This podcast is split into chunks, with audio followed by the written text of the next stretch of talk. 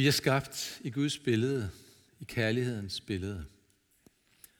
Og det betyder også, at vi er skabt med en længsel. At hver eneste menneskehjerte har en længsel efter fællesskab, efter Gud, efter at finde hjem til sig selv og det, som vi er skabt til. Og det fællesskab med Gud, den erfaring af Guds kærlighed og hvile i ham, er det, som er vores rette element. Og derfor er der den her uro eller længsel, som driver os imod det mål. Augustin, den gamle kirkefar, udtrykte sådan her. Du har skabt os, Gud, til dig, og vores hjerte er uroligt, indtil det hviler i dig. Og fordi Gud er kærlighed og vil drage os ind i fællesskab med sig, så har Gud altid åbenbaret sig til alle tider overalt, i alle kulturer, religioner, alle filosofier osv. Der, hvor, overalt, hvor Gud eller hvor mennesker søger mening, der åbenbarer Gud sig. Vi kan ane ham i naturen i møde med storheden og skønheden der.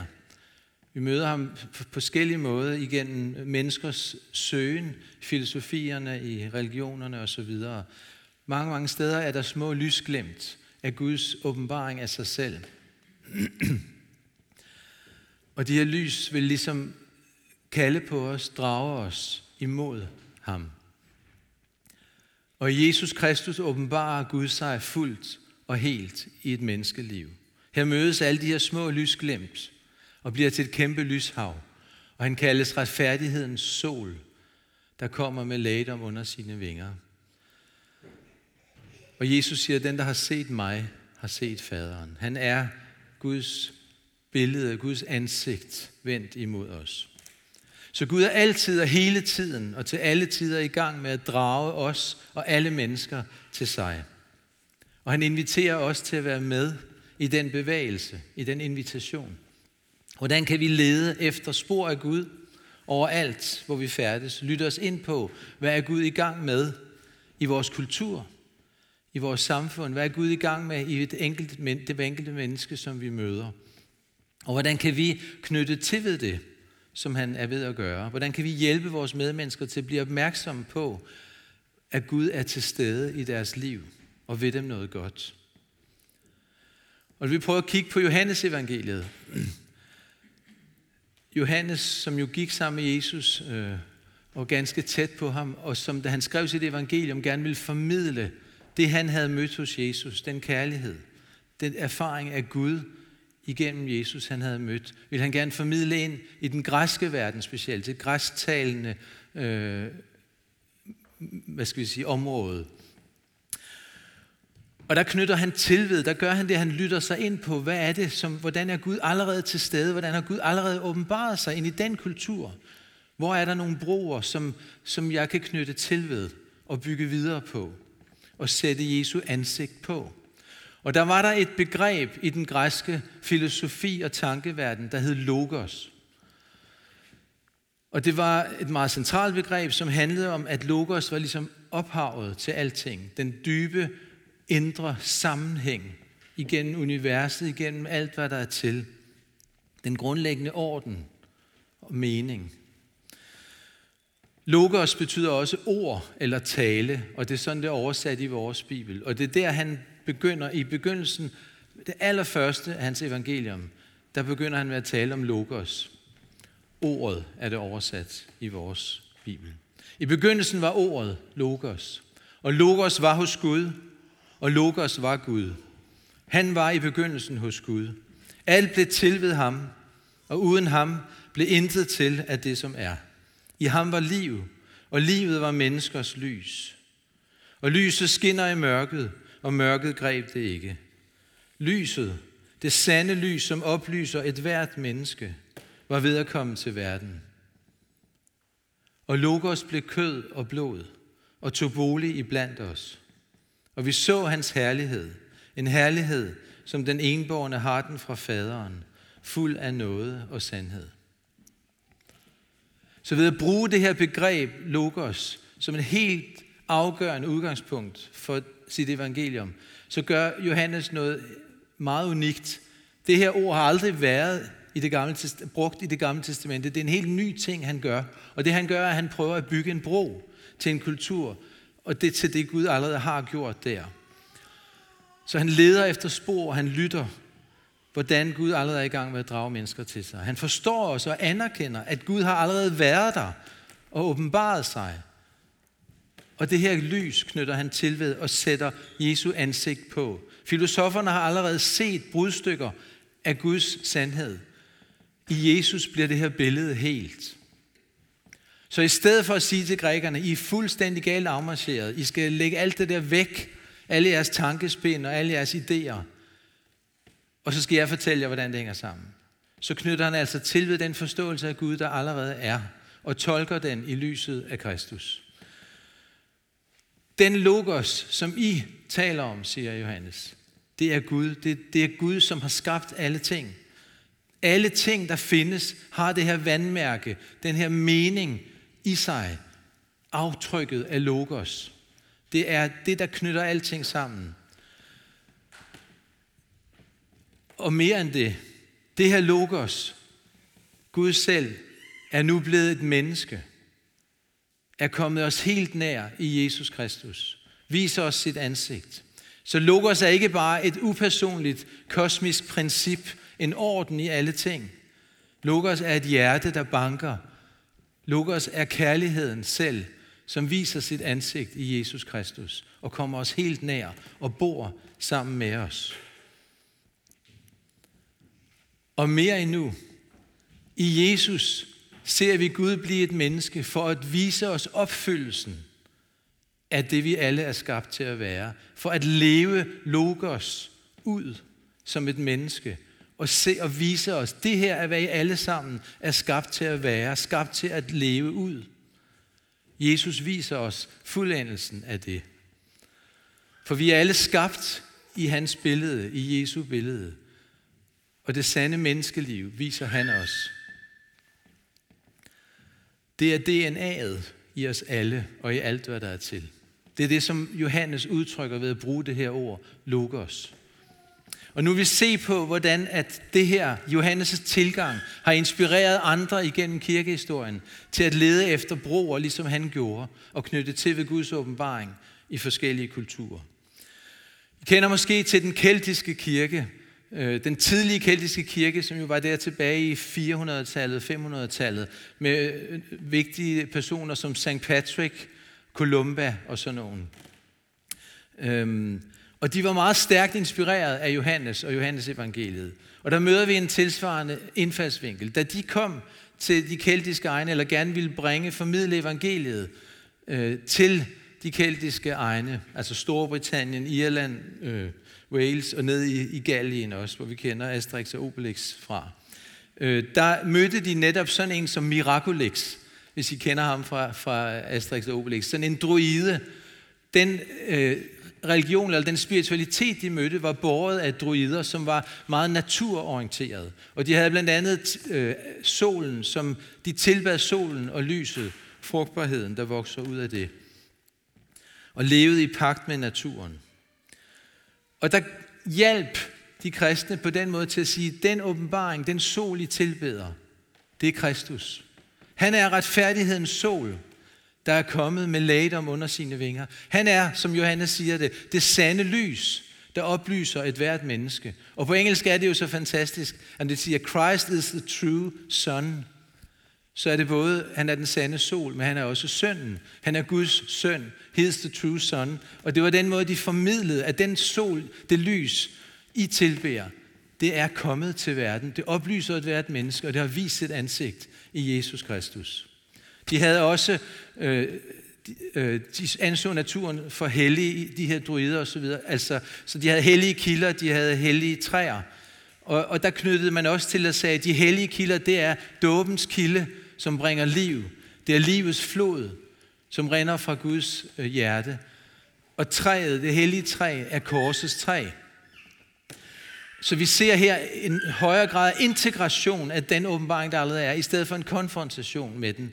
Og det er det, vi ser udtrykt i det keltiske kors. Det kan vi i hvert fald se det som, at solcirklen, symbolet, er integreret i, den keltiske, i det keltiske kors. Så både korset og cirklen, som jo både er et evighedssymbol, men også et solsymbol, er et udtryk for Jesus Kristus.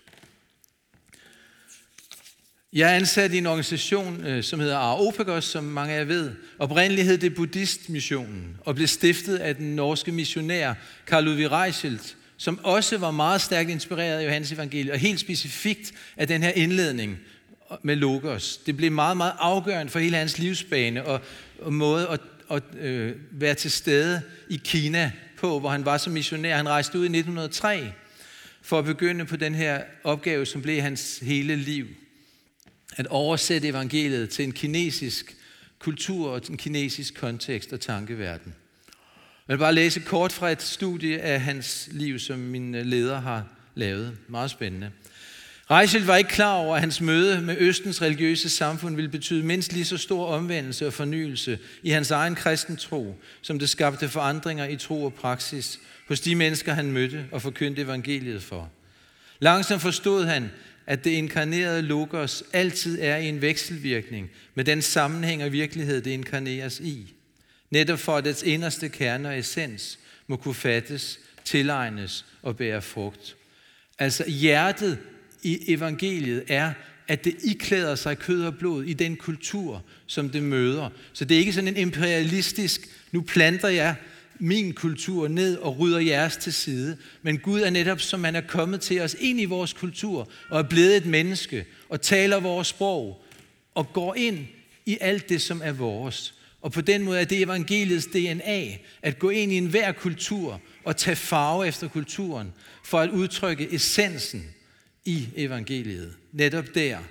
Og have i en ydmyghed for den måde, Gud allerede åbenbarer sig der. Han forstod også efterhånden, at Guds logos var i Kina før ham og før kineserne, og at der derfor i den kinesiske folkesjæl og religiøsitet, ligesom hos alle andre folk og kulturer, var glemt af sandhedsåbenbaringer. Det er altså ikke sådan, at nu kommer kristendommen, nu kommer evangeliet, og derfor er alt det andet forkert. Selvfølgelig, fordi Gud har åbenbaret sig altid, er der altid overalt mange sandhedsglimt, som vil være i overensstemmelse med det, som også evangeliet udtrykker. Reichel kunne altså ikke bare forkynde, men også lære sine kinesiske venners indsigt og erfaring. Ja.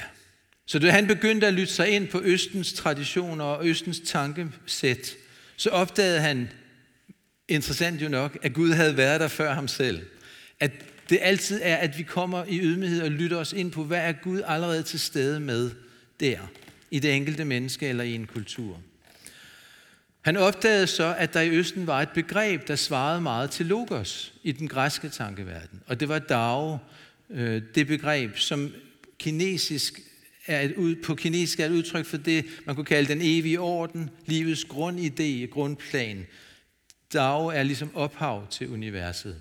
Og hvis vi lever dag, så udlever vi essensen af det, vi egentlig er her for. Så lever vi overensstemmelse med det grundprincip, kan man sige. Og rejse knyttede til ved det begreb i sit møde med især buddhister. Og derfor i den kinesiske bibeloversættelse, der lyder indledningen til Johannes evangeliet sådan her. I begyndelsen var Dao, og Dao var Gud, og Dao øh, var hos Gud. Og så skabte han et symbol, øh, korset i lotusblomsten, som blev logoet for buddhismissionen, og altså det nuværende Aropagos. Og det kan I se her. Og øh, måske I kender til, at og det er jo et udtryk for igen, at korset går ind i den kultur, som det ønsker at formidle evangeliet til. Øh, og, og øh, lotusblomsten repræsenterer i, i Østen og i den buddhistiske tankesæt menneskets sind og dybeste længsler. At åbne sin lotusblomst, det betyder at komme til et religiøst gennembrud. Så korset i lotusblomsten bliver et udtryk for, at det egentlig nødvendige religiøse gennembrud er det, som øh, Jesus taler om i Johannes evangeliet, at blive født på ny, at det sker i mødet med Jesus Kristus og det som korset er et udtryk for. Rejse siger selv sådan her, med korset plantet i lotusblomsten er der givet udtryk for, at først i Jesus Kristus med mennesket i sandhed komme til religiøs fornyelse. Så til sidst, Gud har altså lagt en længsel efter kærlighed, efter sandhed ned i hver eneste menneskehjerte.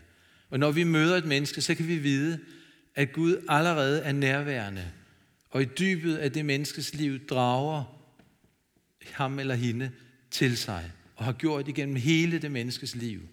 Han visker i hjertets dyb om sin kærlighed. Han kalder hvert eneste menneske til sig, ind i sin favn, til helhed, til liv, til hvile i ham. Og derfor er vores opgave i møde med mennesker først og fremmest det at lytte i ydmyghed til, hvad Gud allerede gør i det menneskes liv. Hvad er det, som ånden er i færd med? Hvordan kan vi knytte til ved det og velsigne det? Hvordan kan vi bedst hjælpe vores medmenneske til at blive opmærksom på Guds tilstedeværelse i deres liv og tage de dybe ting, der foregår i hjertet, alvorligt og begynde at leve i overensstemmelse med det. Jesus siger, ingen kan komme til mig, uden at faderen drager ham. Og det er der en stor befrielse i, når vi husker det. Det står ikke i vores magt, og det er ikke vores opgave at overbevise mennesker, eller at få dem til at åbne hjertet for Gud. Det er noget, som kun Guds ånd kan gøre. Ingen kan komme til mig, uden at faderen drager ham. Men vi ved, at det er det, faderen hele tiden gør. Og han inviterer os til at være med i og velsigne det, han gør. Jesus siger jo selv, at han kun gør det, han ser faderen gøre. Det er hemmeligheden i hans liv.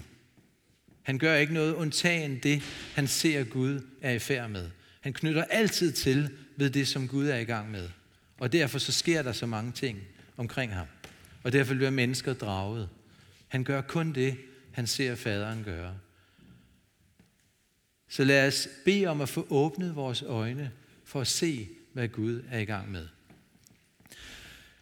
I et par små, øh, korte eksempler til sidst. Øh, en, en menighed, der hedder Willow Creek i, i USA, hvor jeg var til en konference for mange år siden, kan jeg huske en ting fra, som en af lederne fortalte om.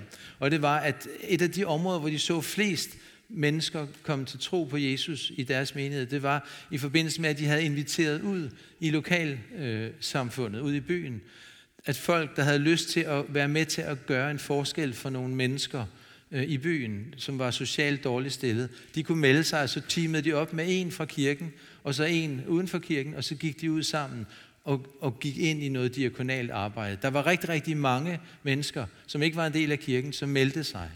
Og mange af dem, imens de tjente og var med til at gøre en forskel, så blev de kristne. Og det fortæller noget om, at Gud er i gang og røre ved mennesker, som gerne vil gøre en forskel. Det er det, som vi alle sammen er skabt til. Og når vi ser den her længsel, så ved vi, at Gud er på færre, og han drager mennesker. Et andet eksempel, det var, øh, jeg kan huske en umoleder, ungdom med opgave, som fortalte om, hvordan han arbejdede i et område med prostitution. Og han på et tidspunkt inviterede en Alfons på restaurant, som han havde lært at kende. Og da de sad og talte sammen, så bemærkede han, at den her Alfons var rigtig god til at huske fødselsdagene på øh, de piger, han havde med at gøre. Og nu kan man jo synes, det er, og det er det jo, en meget skæv og forvrænget og dårlig sammenhæng. Men det, som umolederen fik Guds nåde til, det var at se igennem sammenhængen og se ind til, at den her mand har en gave fra Gud. En pastoral, en omsorgsgave, en opmærksomhed for de her piger. Selvom det sker i en kontekst, der i sig selv er meget forkert, så sagde umolederen til ham, jeg kan se, at Gud har givet dig en gave. Jeg kan se, at Gud er, har velsignet dig, og du ved, når du husker deres fødselsdag, så er det et udtryk for Guds hjerte for de piger. Og det rørte den her Alfons rigtig dybt, så det gjorde, var med til at bevæge ham hen imod at komme til tro på Jesus. Og det er igen at kigge efter, hvad er det Gud gør i menneskers liv? Hvor er Gud på færre? Hvor er Gud henne? Og så den sidste ting, som mange af jer ved, så med i Mesterens Lys, som er en del af Aarhus, arbejder vi jo på messer og møder rigtig mange mennesker med dybe længsler, som kommer. Og, og alt, hvad vi egentlig behøver at gøre, er at, at være med til at invitere dem ind i et rum, hvor der kan ske et møde med Gud og deres længsel. Og vi ser igen og igen og igen, hvordan at Gud berører den længsel. Den kommer med smerter, med sygdom, ønsker om helhed, eller netop for ønsker om, at det potentiale, Gud har lagt i dem, må folde sig ud, så de kan gøre en forskel og velsigne andre. Alle mulige ting. Men vi oplever bare, at det er Gud, der er i gang. og vi kan få lov at være med og knytte til ved det. Det er en kæmpe velsignelse. Så lad os sammen kigge og lede efter alt, hvad Gud gør, og så være med i det. Lad os bede til sidst. Kan Jesus, du sagde, at du kun gjorde det, som du så din far gøre. Og tak Gud, at du er i gang og altid har været det, drage os og alle mennesker ind i din favn, ind i helhed og hvile hos dig. Helligånden, kom og åbn vores hjertes øjne, så vi må se, hvad Gud og hvad du er i gang med overalt, hvor vi færdes. I vores kultur, i vores samfund, i de fællesskaber, vi færdes i, i det menneske, vi mødes med. Giv os kreativitet og giv os ydmyghed til at lytte til det, som du gør. Og giv os også frimodighed til at dele dig, Jesus, og det liv, du lever i os med andre, som vi møder på vores vej. Og bed for dem og velsign dem med din kærlighed. Det beder vi om din hjælp til i Jesu Kristi navn. Amen.